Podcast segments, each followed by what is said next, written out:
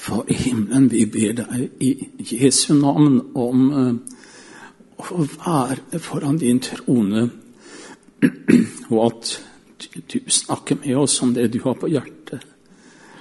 Herre, vi ber om det, om din Hellige Ånd, som opplyser ordet for oss,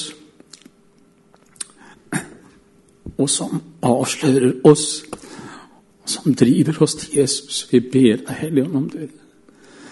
Jeg ber Herre om stemme. Du som har en sånn voldsom røst selv. Jeg ber om å få kjenne kraften fra deg inn i min stemme. Og Herre, jeg ber også at både denne dag og hver dag her må gi meg klarhet i hva du vil videre for mitt liv og min tjeneste. Og framfor alt så be om at vi møter deg sånn som du sier vi trenger det alle sammen. Herre, møt oss, kom til oss med ditt rike.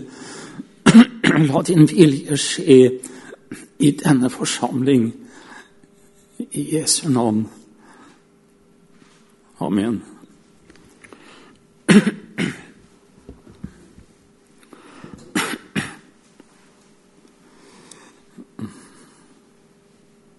Det er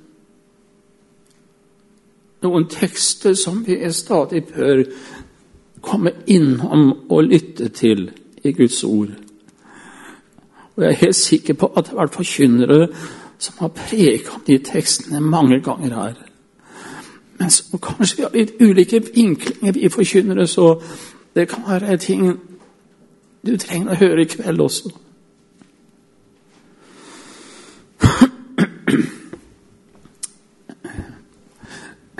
Det er noe, jeg har blitt veldig urolig for i norsk kristenliv i våre bedehus. Og det er lunkenheten som jeg merker hos oss, inkludert meg sjøl. Og um, jeg må lese litt både uh, om den også om bakgrunnen for den teksten som, som jeg skal dele. Men jeg skal ta med litt til. Jeg lurer på om vi har tid til det. Det sto at vi skal ta vare på tekstlesingen. Det sier Paulus til Timoteus. Så um, jeg vet ikke hvor ofte vi driver og leser fra Bibelen sammen. Det skulle ikke bare være han Tindberg som driver med det i sin tid. Det skulle vært veldig vanlig at vi leste et kapittel minst, helst på hvert eneste møte. Hvis prekenen er tørr og tom, så har man i hvert fall ordet som har lyd. I Åpenbaringen kapittel 1 så står det slik og jeg tror jeg leser litt herfra.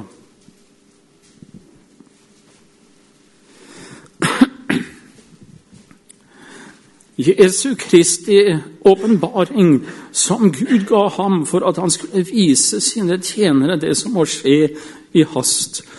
Han sendte bud ved sin engel og kunngjorde det i tegn for sin tjener Johannes, som har vitnet om Guds ord og Jesu Kristi vitnesbyrd alt det han så. Salig er den som leser, og de som hører det profetiske ord, og holder fast på det som der står skrevet, for tiden er nær. Johannes til de sju menigheter i Asia. Nåde være med dere og fred fra ham som er og som var, og som kommer, og fra de sju ånder som er for hans trone. Og fra Jesus Kristus, det troverdige vitne, den førstefødte av de døde og herskeren over kongene på jorden. Han som elsker oss og løste oss fra våre synder med sitt blod, og som gjorde oss til et kongerike, til prester for Gud, sin far. Ham være æren og makten i all evighet. Amen. Se, han kommer med skyene, og, hvert øye skal se ham, også de som har gjennomstunget ham, og alle jordens slekter skal gråte sårt over ham. Ja, amen. Jeg er alfa og omega, sier Gud, Herren, Han som er og som var og som kommer, den allmektige. Jeg, Johannes, som er deres bror, har del med dere i trengselen og riket og tålmodet til Jesus. Jeg var på den øya som kalles Patmos, for Guds ords og Jesu Kristi vitnesbyrds skyld. Jeg bare får føye til at dette var under keiser Domitian på uh, siste del av 100-tallet. Rundt sånn 90-95 antageligvis så var Johannes der ute. Han var en trussel for uh, keiserriket og ble forvist så å si på en arbeidsleir ute på den øya Patmos. Videre Jeg er bortrykket i ånden på Herrens dag, også på søndagen. Og jeg hørte bak meg en veldig røst, liksom av en basun, som sa:" Det du ser, skriv det i en bok, og send det til de sju menigheter, til Efesus og til Smyrna og til Pergamum og til Tyatira og til Sardes og til Filadelfia og til Laudikea. Jeg vendte meg om for å se røsten som talte til meg. Da, da jeg vendte meg, fikk jeg øye på sju lysestaker av gull, og midt mellom lysestakene var det en som lignet en menneskesønn var kledd i en fotsid kappe om, ombundet med et gullbelte under brystet. Hans hode og hår var hvitt som hvit ull, som snø, og øynene hans som en ildslue.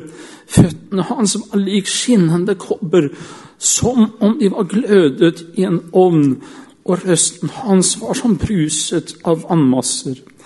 I sin høyre hånd hadde han sju stjerner, og av munnen hans gikk det ut et tveegget skarpt sverd. Ansiktet hans var som solen når den skinner i sin kraft. Da jeg fikk se ham, falt jeg ned for hans føtter som død. Men han la sin høyre hånd på meg og sa, 'Frykt ikke. Jeg er den første og den siste og den levende. Jeg var død, og se, jeg er levende i all evighet.' Og jeg har nøkkelen til døden og dødsriket. Skriv det du så, det som nå er, og det som skal komme etter dette og hemmeligheten med de sju stjerner som du så i min høyre hånd, og de sju gullysestaker, de sju stjerner, og de sju stjerner er engler for de sju menigheter, og de sju lysestaker er sju menigheter. La meg bare nevne noe om det som kjennetegner han som taler her.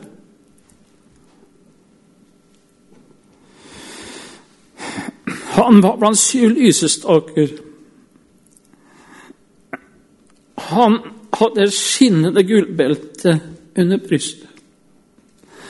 Han hadde blendende hvitt hode og hår, slik også Gud Fader omtales i Daniels bok.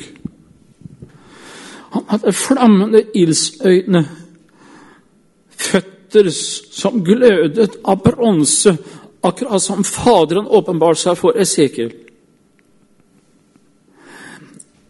En røst som ligner på voldsomme fossefall.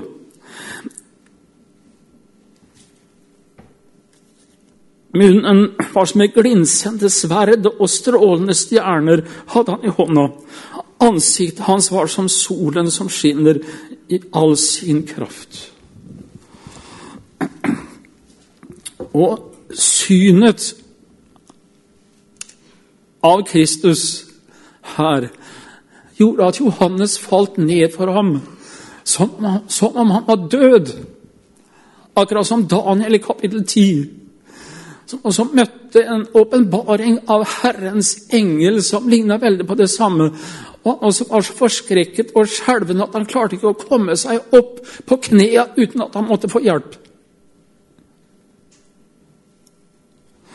Så Johannes var overveldet. Helt annerledes situasjon. enn den dagen da Johannes lå trygt og stille inntil Jesu bryst i nattverdssalen før Jesus gikk inn i lidelsen. Det var litt annen åpenbaring av Jesus inn i nattverdssalen og denne situasjonen til den samme apostel. Da følte han at det nå var det som om kraften hans forsvant ut av kroppen hans. Det var hans eneste naturlige reaksjon.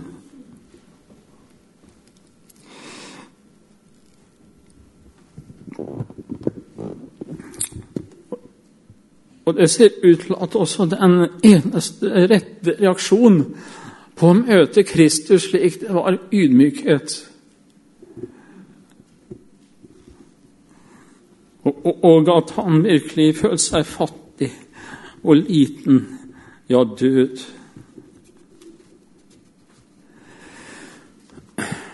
Det, det tror jeg er den eneste rette reaksjonen på å møte Herren. Sånn var det for Esekiel, sånn var det for Daniel, sånn var det for Peter Vestranda. Gå fra meg, en syndig mann. Sånn var det for Esaias. Ved meg, jeg er fortapt, jeg har sett Herren.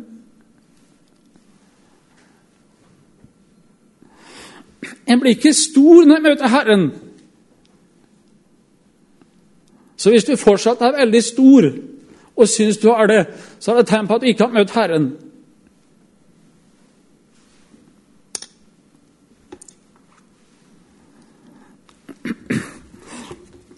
Så får altså Johannes beskjed om å skrive til syv menigheter. Jeg har ikke tid til å gå gjennom alle de syv. Jeg skal stanse litt ved den første og den siste. Jeg tror de er veldig aktuelle for oss.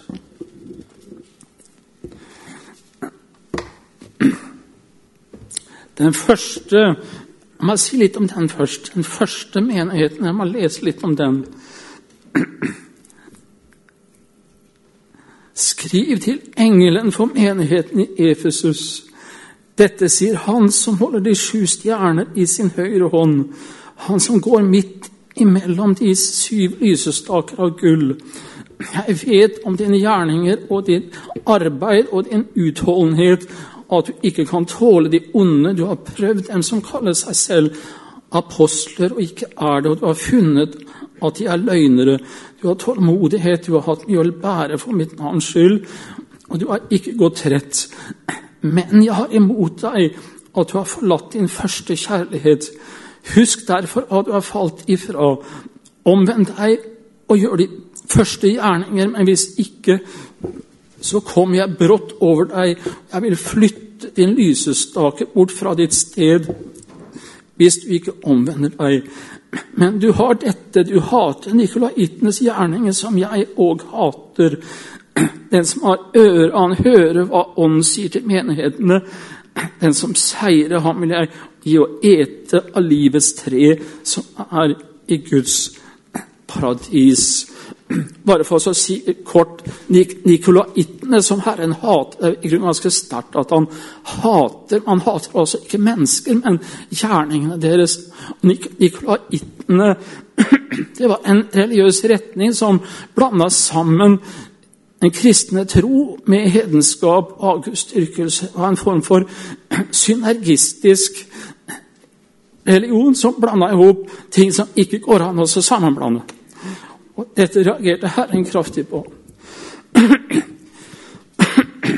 Johannes skriver altså til Efesus. Som på en måte var hovedstaden i, i, i, i Tyrkia, kan vi si. Oldtidens Oslo. Et, et virkelig sentrum også for noe utrolig stort. Man har regna ut at det var omtrent 200 000 mennesker i den oldtidsbyen. Det var ganske mye det så den gangen.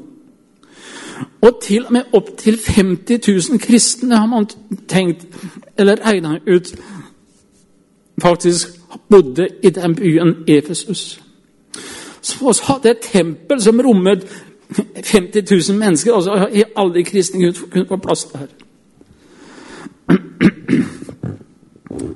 Den var kjent virkelig kjent for sin hedenske kultus, og dessverre tempelet for Artemis, som var et av de syv verdens store underverk den gangen. Så det var en prangende, stor, tiltrekkende menighet og by som ligna litt på hverandre.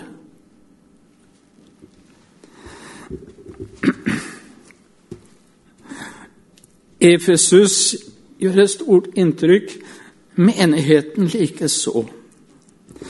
Og her roser altså Herren først menigheten for flere ting. Han roser dem for at de er lojale mot læren, at de er bibeltro. Alle er jo ikke det. De hatet hedensk kultus. Jeg nevnte nikolaitene og de falske apostler. Alle gjør kanskje ikke det som denne menighet. Og jeg tror vel det at denne menigheten ligner veldig mye på mye av bedehuskristendommen. I hvert fall i de konservative organisasjonene. Som også er bibeltro og holder seg til ordet og vil bøye seg for ordet. Men det er ikke nok.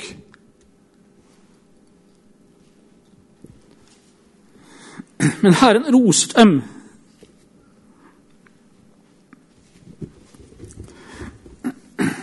Helt klart. Videre så roser han dem fordi de var aktive som kristne. De hadde flagget virkelig hevet høyt i topps, kristenflagget. Og de var aktive i tjenester. Du har hatt et veldig, veldig stort kristent arbeid. Det er ikke vanlig overalt i dag, men mange bedehus har det. Og forsamlinger har det. For det tredje så tålte menigheten mye. Tydeligvis av forfølgelse. De hadde ikke gått trøtt. De hadde lidd for Jesu navns skyld. Det kan man ikke akkurat si om norske bedehus i dag, stort sett. Det er nok mer vanlig i andre deler av verden, det. Så her er det i hvert fall noe som vi ikke har i forhold til den menigheten. Og Likevel er det noe som er enda tyngre enn som så. Herren Jesus Kristus han går omkring i menighetene Altså Lysestakene kalles menigheten. Han går omkring på bedehusene, i kirkene, og han ser på oss nå. Med sitt røntgenblikk, med sine kraftige, gjennomskjærende øyne, så ser han på oss nå. Og alt er nakent og bart for hans øyne. Den oppstanden er her brødre og søstre, det må være klar over. Majesteten er her i bevegelse og ser på oss. Står foran meg og deg. Og så sa han til denne menigheten Men jeg har imot deg at du har forlatt din første kjærlighet. Husk derfor hva du har falt fra, Omvend deg og gjør de første gjerninger. Men hvis ikke, så kommer jeg brått over deg. Jeg vil flytte din lysestake bort fra sitt sted hvis du ikke omvender deg.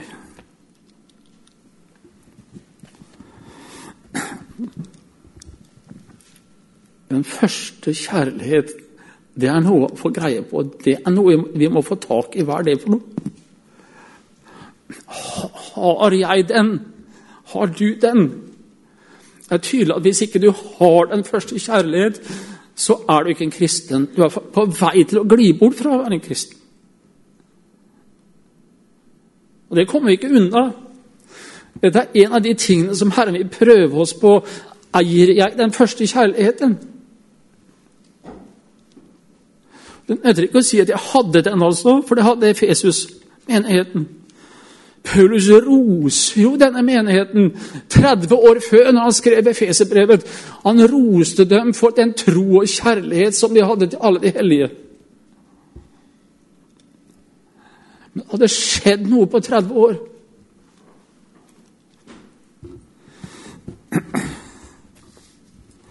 Jeg, jeg tror iallfall noe som kjennetegner den første kjærlighet, det er akkurat det samme som Johannes viste.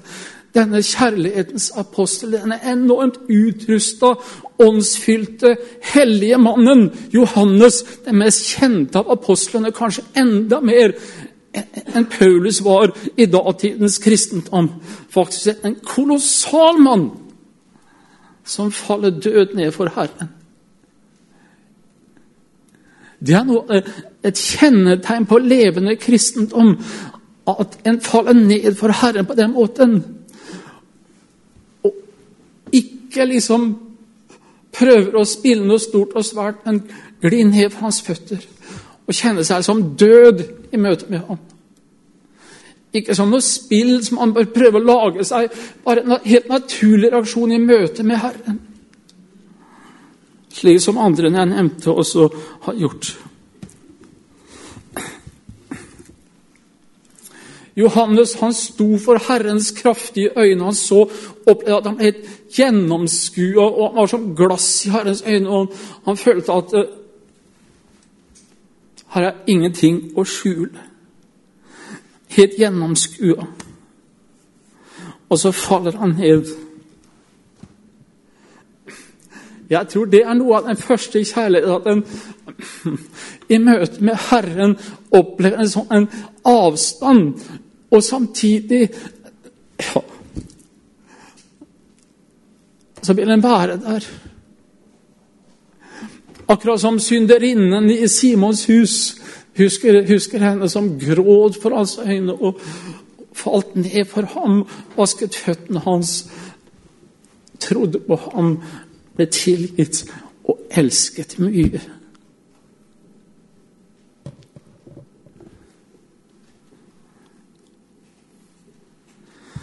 Hun møtte Jesus. Hvordan, hvordan, er det da? Hvordan var det da når vi møtte Jesus som syndere, virkelig gjennomskua Alt liksom bare helt nakne, faller av oss, vi har ingenting å komme med. Hva skjer med oss da, dere? Vi møter Jesus, og han tilgir oss.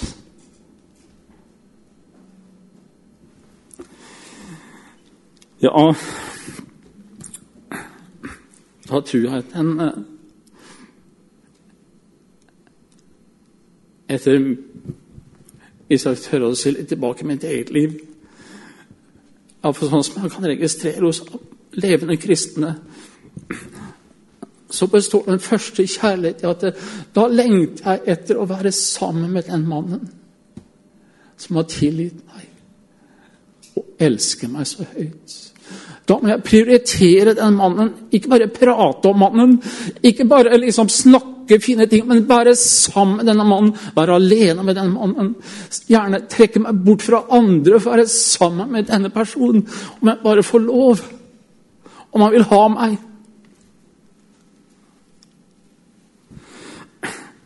Da synden som rusk i øyet.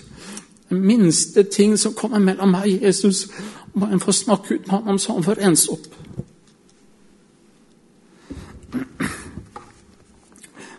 Og da tar en gjerne på, går på tur med Jesus, drar ut og vekk fra borte, og alene med sin elskede. Og Denne første kjærlighet også mye av det ved seg at en leter etter mulighet for å fortelle andre om Jesus. Og gjøre godt mot sine medmennesker også. Det er den første kjærlighet, blant annet. En, en, kommer i kontakt med Han som er ildens gud. Den brennende, som brennende kjærlige Jesus Kristus, som rører ved oss og så blir vi varme av det. Dette er ikke først og fremst en følelse, det er møte med en person. Og det er et en møte med Hans hellige ånd som rører ved oss og fyller oss, slik at vi får en lyst og en trang til å gjøre godt mot våre medmennesker. Ikke av tvang, men en indre ja, jo, På en måte en tvang også, som Paulus. Kristi kjærlighet tvinger meg, sier han.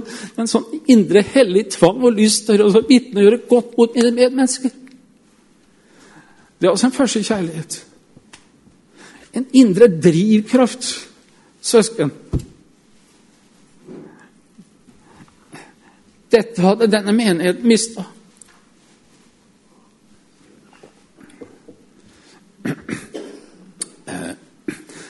Er jeg den? Eier vi den? Ja. Mye kunnskap, mye solid forkynnelse, mye bibeltroskap, men hvor er Helligåndens ild som brenner? Ja, det må jeg spørres om. Jeg leste litt av boka Haugen, noen av hans brev når jeg kjørte oppover her. Han forteller om ilden som brant i Trondheim stifter. Så nevnte han flere steder rundt i Trondheim stifter der ilden brant. Blant annet i Sør-Trøndelag, oppe i Ålen, var det veldig mye av det der. Men også andre steder så brant en ild. Det er klart, det var ikke bare et føleri, noe sånn svermeri. Det var en helligånds ild som var kastet fra tronen, som rørte ved oss. Jeg er ikke så opptatt av om det ikke er vanlig i, i, i vår forsamling. Men, men kjære, er det ikke bibelsk?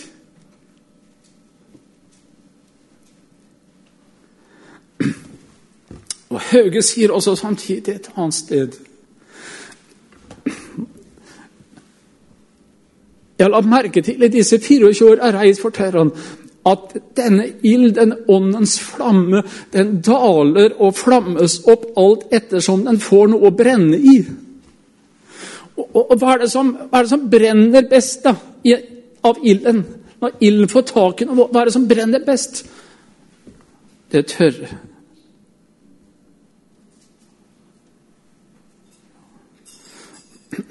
Vel, vel, velkommen til Jesus hvis du kjenner deg tørr og fattig. Det, det er det som brenner der ilden kan ta fatt. Ikke sånn bløte opp av ting i verden, men kjenne seg tørr.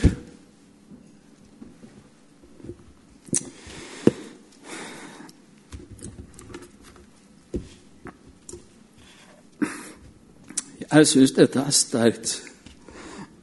Jeg skal si mer om dette, men det er klart at den første kjærligheten har vel kanskje vært borti noen av enhver. Jeg skal bruke sånn mer vanlige ting som Er det noen som er forelska her? Få se. Kan vi få lov til å få noen hender midt i sambandet? Ja, så godt å se noen som er forelska her. Kongens øye også. To hender. Hvordan er det da ved forelskelsen? Det er ikke så anstrengende å være sammen med den man er glad i. Det er ikke slitsomt når man liksom strever seg til for å ta tid med den man er glad i. Det er ikke heller sånn liksom, å presse seg til å tenke på den man er glad i. Det kommer helt naturlig. Det, liksom, det bare strømmer på tanker, følelser og det indre liksom er retta mot det man elsker og lengter etter. Det er forelskelsen drivkraft. Det, er en sterk tid. Man kan ikke bygge hele ekteskapet på det, men, men det er noe av det er like en brann som er rettet mot den ene, der andre ting og andre personer får ikke noen plass, liksom. Har ikke noen makt over en. Men det er han og henne det dreies om. Det er den første kjærlighet også. Den ser Jesus etter.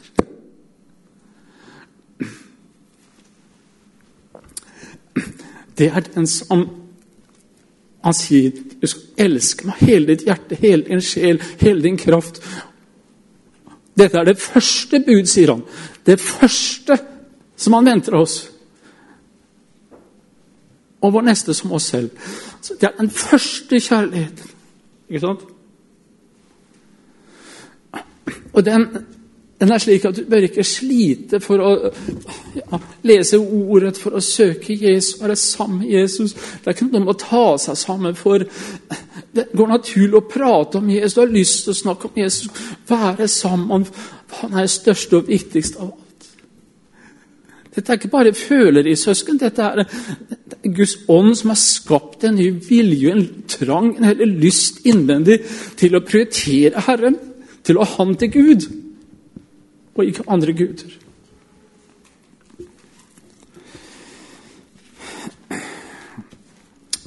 Efesus i dag er en ruin, en steinhaug, et museum, snaut nok det. En menighet som det gikk enda verre med, som hadde liksom kommet enda lenger i forfallet og frafallet. Det er den siste menigheten. Jeg må lese litt om det nå.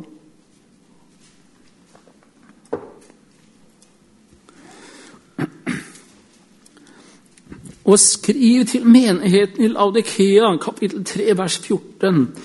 Dette sier Han som er Amen, den trofaste og sannferdige vitnet, opphavet til Guds skaperverk.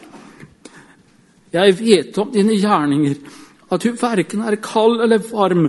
Det hadde vært godt om du var kald eller varm, men fordi du er lunken og verken kald eller varm, vil jeg spy deg ut av min munn.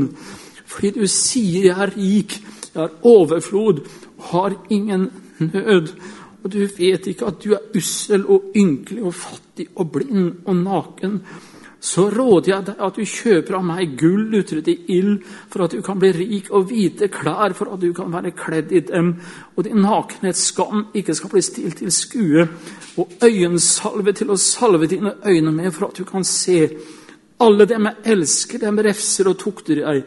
Derfor ta det alvorlig og omvend deg. Se, jeg står for døren og banker.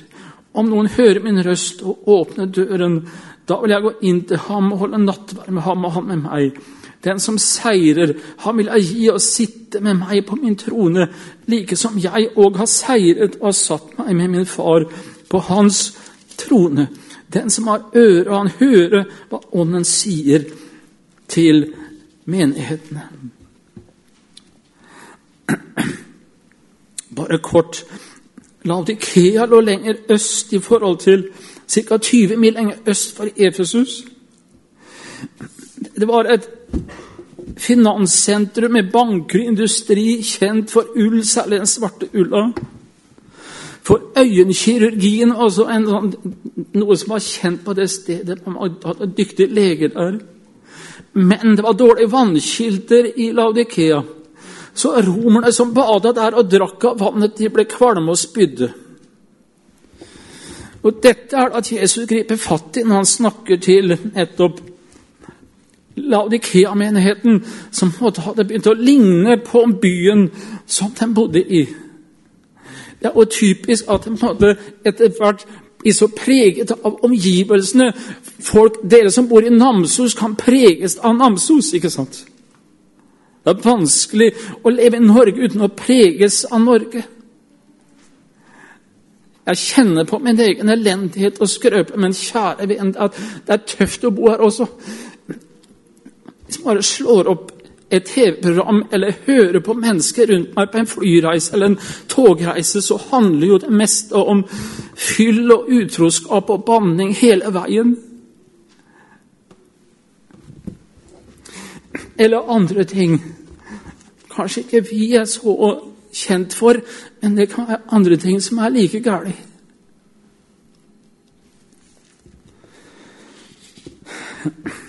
Laudikea, som sagt, har opplevd at frafallet var enda større i Efesus. Her fortsetter man både utviklingen i Efesus. Så kan man kanskje tenke Er ikke dette med første kjærlighet en sånn søtt og sånn her. Jeg føler det noe sånn ja, litt svermerisk, tru. Vel, Herren er veldig tydelig her. Han sier det er tre grupper jeg forholder meg til hos dere. Gi du var kald, sånn. Kald, jeg mener kald Kall er de som er uberørt av Herrens varme og ild, som er ufrelst, som ikke kjenner ham. Det er de kalde. Det er lettere for dem å bli frelst enn for den lunkne. Som tror at det er i orden med dem, De søker vel ikke frelse, søker vel ikke Jesus, men de er trygge. De kalde har det fortrinn at ikke de har kjent Jesus. Når de møter ham, så kan de bli tiltrukket av ham. Men de andre tror at de lever med ham. Derfor er det så farlig. Gid var kald. Den tredje gruppa er varm. Gid var varm. Varm i Bibelen, søsken. Hva er varm for noe? Varm det er det ordet som egentlig Paulus nevner i Romerne 12. Vær brennende i ånden. Brennende i ånden er sterkt uttrykk. Ordet 'brenne' er nesten for svakt, det også. Det kan oversettes med 'kokende' eller 'sydende i ånden'. Og det er helt tydelig at Paulus mener at dette skal være det normale for en kristen. Være brennende i ånden. Og så faller vi i den grove misforståelsen og tenker at de som er brennende i ånden, det er svermer og fanatikere. De, de mest normale kristne er de brennende i ånden. Det er de varme. Gi, du er varm, sier han. Det er de som opplevde det samme som, som Emmaus-vandrere når Jesus gikk sammen med dem. De sier 'brant ikke våre hjerter' når han åpnet Skriftene for oss. Han var berørt av den ilden som var i Herren. Og Apollos han ble omtalt som et brennende vitne. Det er den normaltemperaturen. Det er ganske sterkt. Det er normaltemperaturen, søsken, for en kristen form. Det er det det skulle være for meg.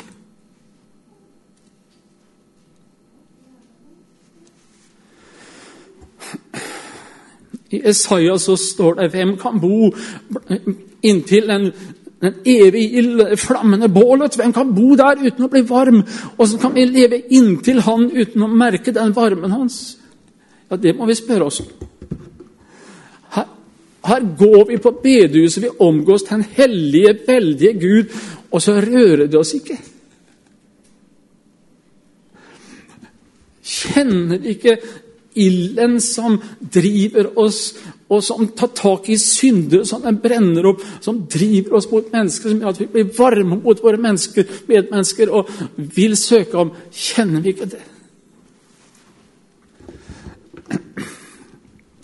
Ja, Paulus han er ganske direkte når han sier i 2. Korinterbrev 13 Kjære dere korintere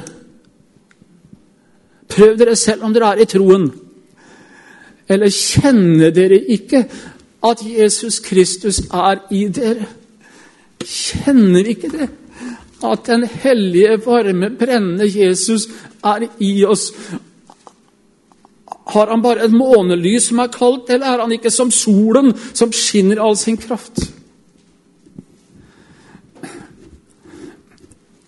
Jeg tror her at vi helst gjerne skulle revurdere hele vår tenkning om vår kristendom og det å være en levende kristen.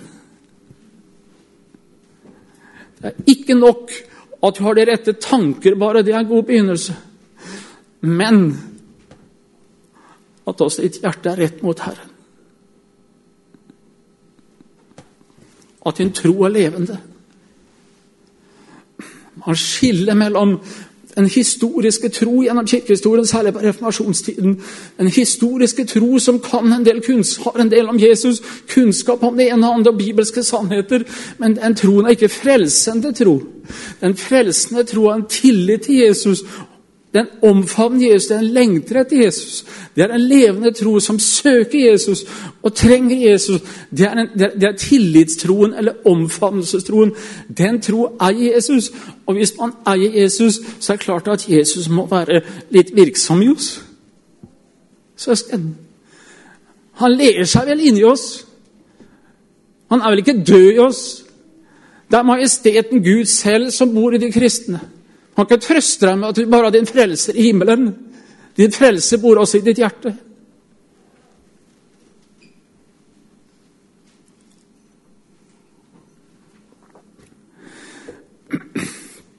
Jeg snakker direkte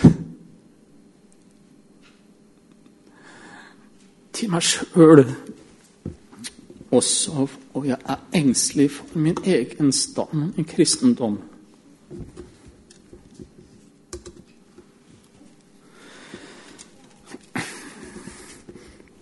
Jeg er redd for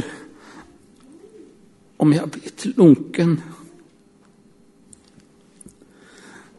Den lunkne, hvem er det?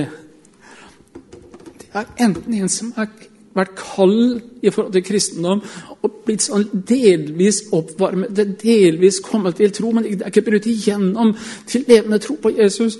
Det, det er en mulighet at det er det det er snakk om. Eller kanskje helst at det er en som var varm, og som har blitt blanda med det kjølige fra verden og lysten og det vesle og gamle Adam begynte å overtake. Og så blir det lunkenhet av det stedet. Det er vel helst kanskje det siste det er snakk om her.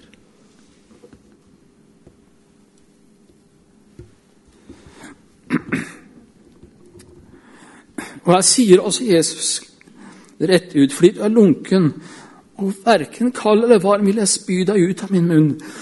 Her står han foran sin egen menighet i Laudikea, som var en brennende menighet på Paulus' tid.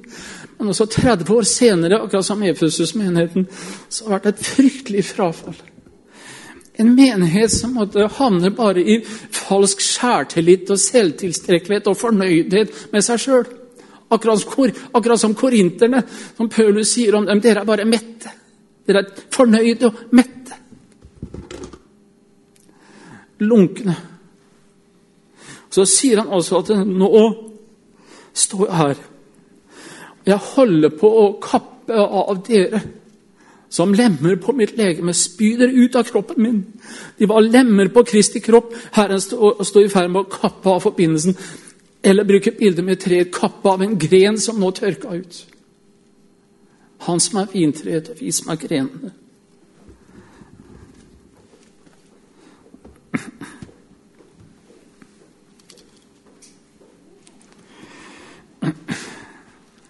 Hva er det, brødre og søstre, som kjennetegner den lunkne tro?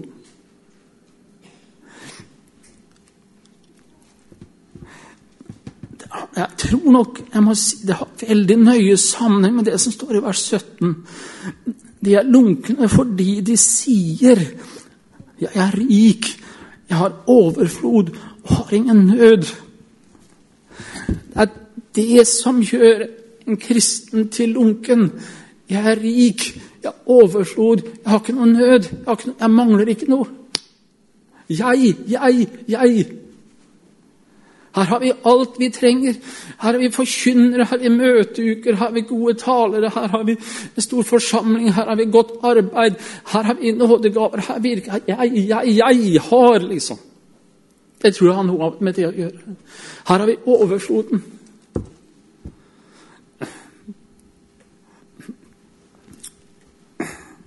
Mens de største imellom oss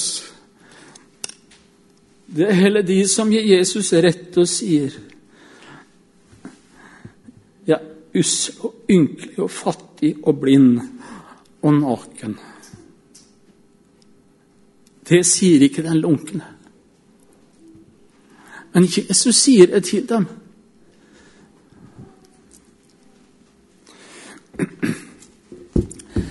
Sier du det om deg selv at broder og søster, sier du det om deg selv at, at, du er fattig? Fattig på glød og nød for dine medmennesker. Fattig på lyst til å tjene Jesus. Fattig i trangen din etter å be til ham, til å vitne om ham.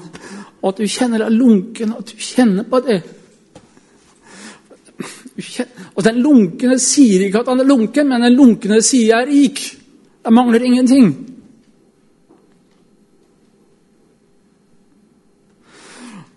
Og Gud velsigne at du ærlig og oppriktig står for Herren og sier 'jeg er lunken'.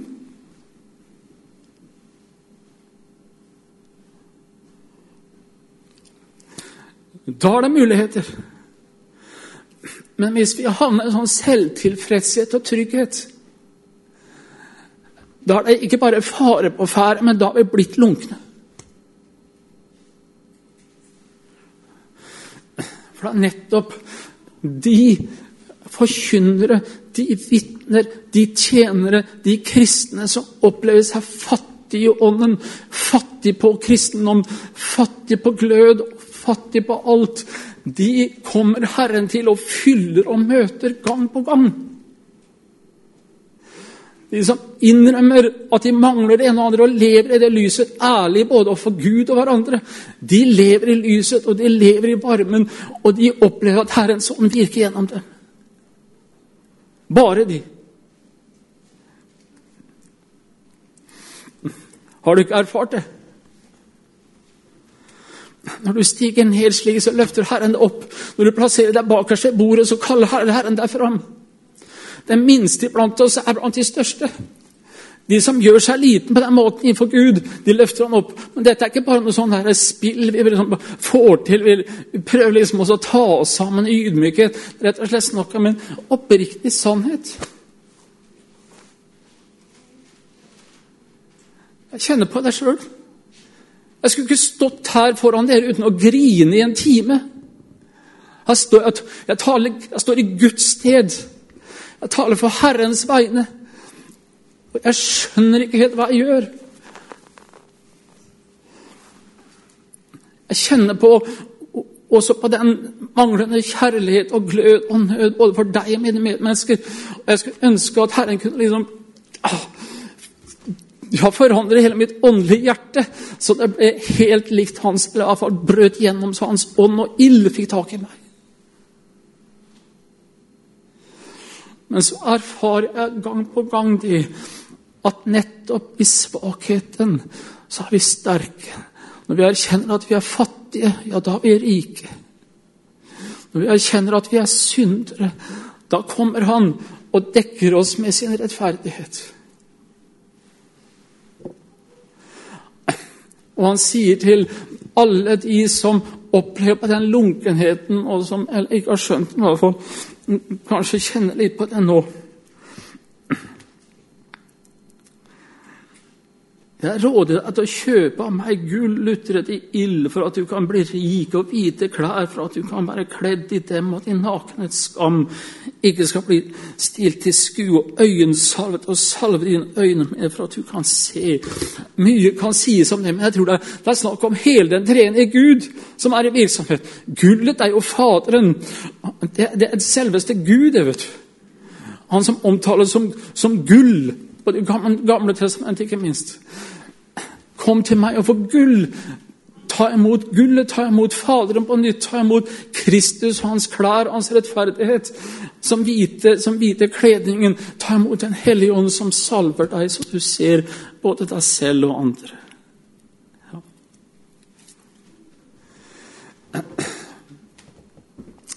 Brødre og søstre, kjære søsken, jeg stiller meg på gulvet sammen med dere.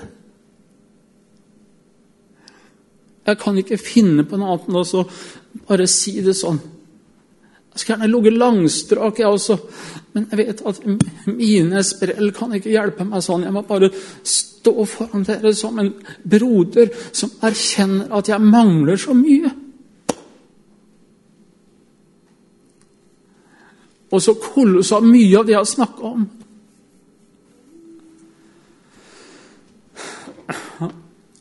Derfor trenger jeg Jesus.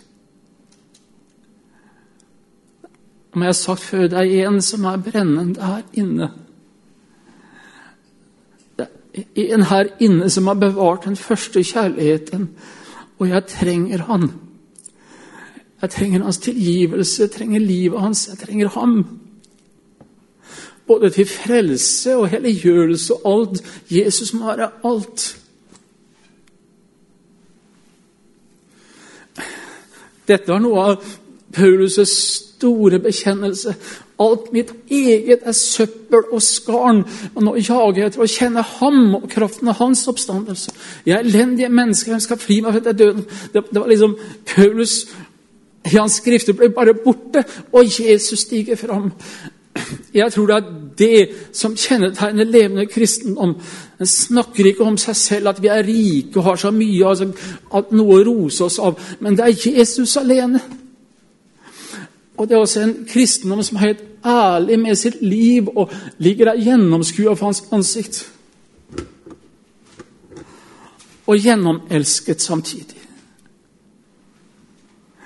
Se, jeg står for døren og banker. Om noen hører min røst og åpner døren, så vil jeg gå inn til ham og henne og holde nattverd med ham.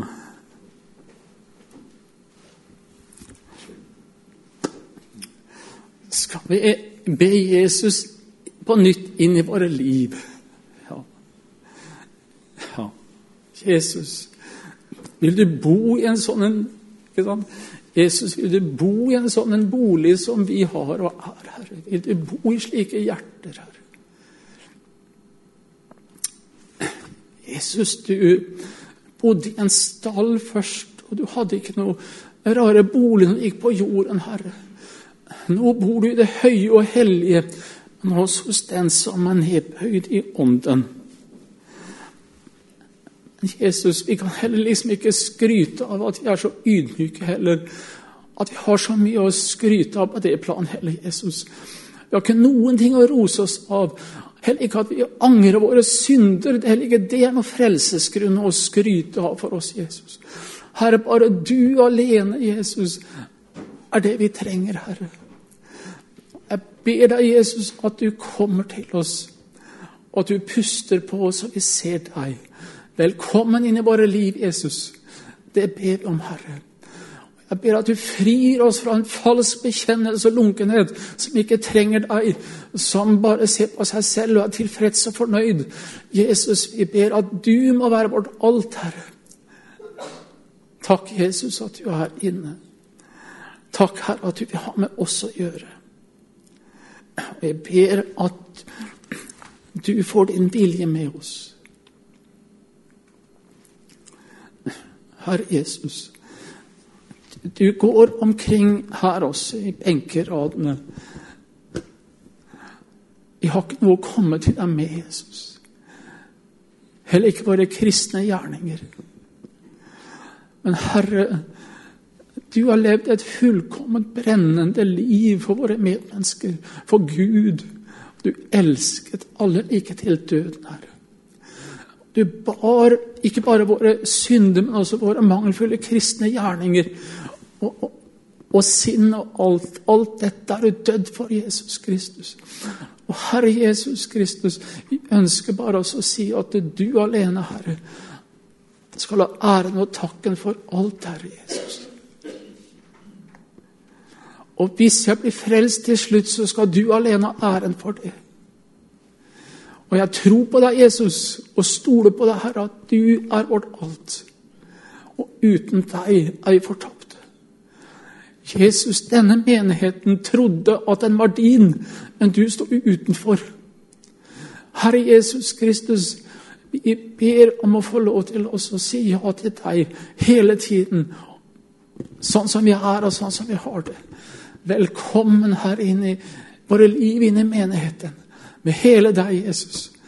Takker deg, Herre, at eh, du ikke bare går forbi oss, men du elsker oss også, Herre. Kjære Jesus.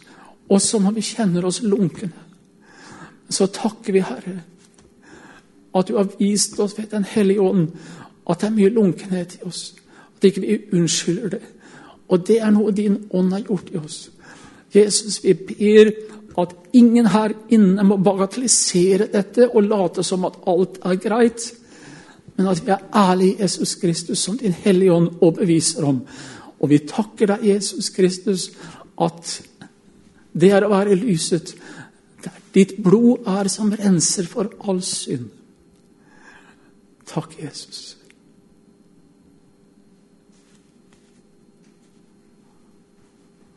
Amen. Så jeg bare si som en viktig sum Den lunkne sier ikke 'Jeg er ussel og elendig, blind og naken'. Det sier den varme kristne.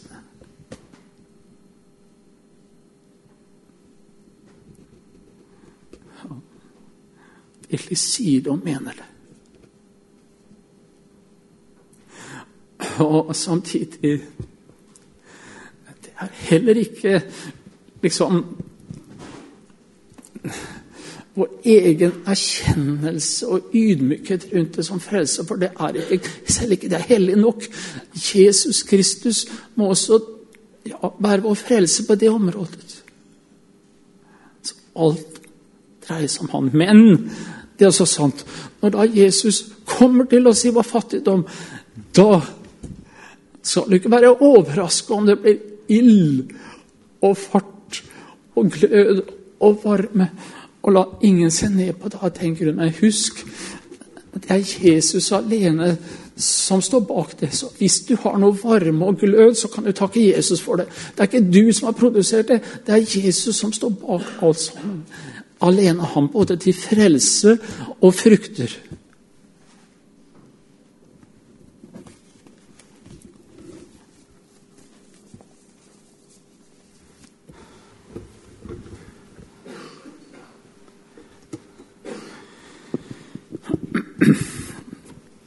Ja, det er nok ikke ofte at jeg starter en eh, møteperiode med de tekstene der. Men de hører med i, i, i livet mitt, i forkynnergjerningen. Absolutt. Det er, det er bare det at jeg i går og hele turen opp hit innenfor Herren så det eneste som kom til meg på nytt og på nytt, det var ordet lunkenhet.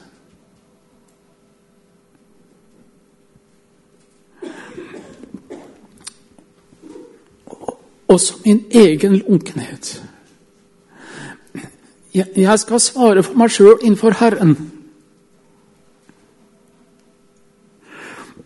Og jeg måtte finne ut hva betyr det å være lunken. Jeg har ikke skjønt det helt. Men det er nok et eller annet oppblanda kristen, i hvert fall. Og det kan også ha med det som Øyvind innleda med, at man har mista kjærligheten til de hellige, de andre troende. Det har kommet inn imellom oss. Det er ikke den varmen som flyter, og gleden over hverandre lenger. Litt for mye meninger og synsinger og litt for mye vurderinger og det ene og andre sånn. Og, det også kan også ha vært med oss å kaste en, en kald skyllebøtte over det varme livet. Jeg vet ikke, men jeg, jeg tror det ligger noe der òg. For, for, for, min del ønsket jeg å møte Jesus som varm. Men jeg vet at jeg har ikke den varmen. Den har han. Og jeg trenger Jesus for å være varm. For å være frelst og for å være varm. Ikke sant? Jeg trenger han for alt.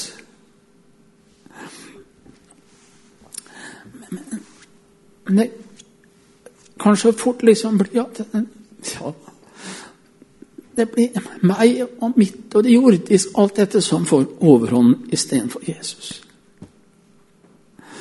Så har man noen ganger løftet meg foran seg, og så må man se på meg med sitt ildblikk og møte meg med seg sjøl. Ja, tør du komme nær meg, Stein? Jeg er brennende. Og hos meg så brenner opp halm og strå og ting. Der er det bare edle ting som overlever. Tør vi komme nærmere søsken, Herren?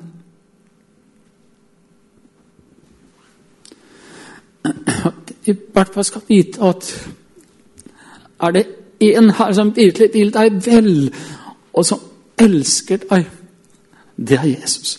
Han elsket den menigheten. Den var lunken. De visste ikke at den var det. De trodde at Jesus var midt imellom dem, men Jesus stod utenfor. Den var lunken. Jesus elsket dem og ville inn til dem. Så la ham få lov til å gjøre det han aller mest ønsker. At vi kommer som vi er, og kjenner på enten vi er kalde, lunkne eller hva det er. Det er ikke det vi kjenner, men det er på en måte noe der også. Men det er først og fremst at vi kommer til ham som er varm og brennende.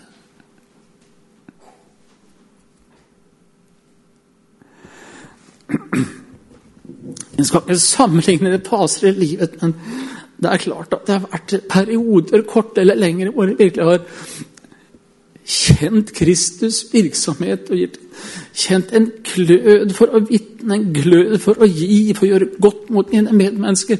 En, en, en lyst til å leve rent og hellig og bryte med alt som strider mot hans vilje. Dette har vel du også kjent på ikke sant, i faser. Men det kan skifte. Det viktigste er jo at vi på ny forenes med ham. Så han får lov til å fylle oss med seg selv og sin ånd. Så vær du ærlig der du står, og det Guds ånd minner om å bare være i lyset med deg sjøl, broder og søster. Det lyset er ikke noe kalt månelys, men det er varmt kjærlighetens nådelys som tidligere og renser. Vær der. Du kan ikke unngå at du også blir varm av det. Så sier jeg det er ikke den varmen som frelser deg, men den er en naturlig følge av at du har blitt knytta til Jesus fordi han er så brennende og varm. Det er Jesus alene som er din kristendom og din brann og din rettferdighet og ditt alt. Men denne Jesus er en levende Jesus, en oppstanden Jesus. Og hvis du lever hos ham, så vil også noe av hans person smitte og vinne skikkelse i oss. ikke sant? Det er ikke å blande helliggjørelse det nye livet inn på frelsesskru, men det hører med. Helt nødvendig. Jeg er så redd at noen her skyver fra seg dette budskapet, og dermed kanskje til og med skyver fra seg Jesus. Og putter Jesus inn i noe de alltid har greie på. Jesus sprenger våre tanker. Han vil være alt for oss. Det betyr ikke at du blir sånn flagrete sånn der, som sveiver med armene og hopper og spretter rundt nødvendigvis. Men eh, litt frihet av det området er ikke til skade for oss. I gode former. Men det viktigste er at han får bære frukt i oss. Ikke sant? Så folk kan smake Jesus av deg. Vi har knytta til vintreet. Gode frukter, søte frukter, glede, kjærlighet, fred og godhet osv. Flyter fra oss. Dette kan jeg ikke produsere av meg sjøl, men ved å være i Kristus for en av Han, så bærer Han frukt i oss. Så har det kommet noe mellom oss og Jesus, og enten som han lege det såret, knytte, knytte oss til seg, eller så dør vi og visner. Akkurat som jeg sa, eller som jeg sa innledningsvis, lett for meg å komme her og preke om det første kvelden og om halvparten av dere er borte i morgen, så Gud velsigne deg, da får du snakke med Jesus alene om det. For meg betyr det ikke noe mer lenger at jeg preker det som klør i øret, og som folk vil ha, og som de liker. Nå må jeg preke til slutten av mitt liv om det Herren legger på mitt hjerte. Om det kan føre til at Kristus opphøyes, at de blir knytta dypere til ham. Da blir dere farlige kristne i Namsos. Og ikke forskremte mus som flyr rundt og er redd for å vitne, men virkelig noe som ja, setter preg på byen. Vi trenger Jesus dere, til frelse. Vi trenger ham til livet vårt. Han må fylle våre rom, tomrom. Vi trenger Hans ånd. Også på bedehusa. Dette er ikke bare karismatikere og pinsevenner som trenger Hans ånd. Vi trenger Hans hellige ånd. Ikke bare til nådegave, men til et nytt liv, for det klarer vi ikke å lage sjøl. Ja. Nå skal jeg runde av, men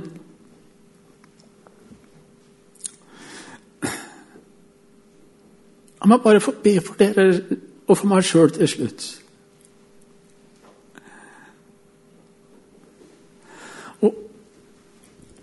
Og så håper jeg at uh, ja, du får snakke ut med en bror og søster eller en, en du har tillit til. Er du, er du i lyset med en Du ikke bruke sjelesøye til det, men snakk med en bror og søster om livet ditt. Tenk hva som da kan skje. altså. Sånn som jeg leda ei gruppe på Menighetsfakultetet i sin tid. Vi var tre-fire ledere. En dag så sto en fram, han var resten trønder. Så, så sa han innledningsvis Nå kjenner jeg meg så kald overfor dere. Det har kommet noe vondt, noe kaldt mellom meg og dere. Han sto der helt ærlig naken i ribba. Fattig.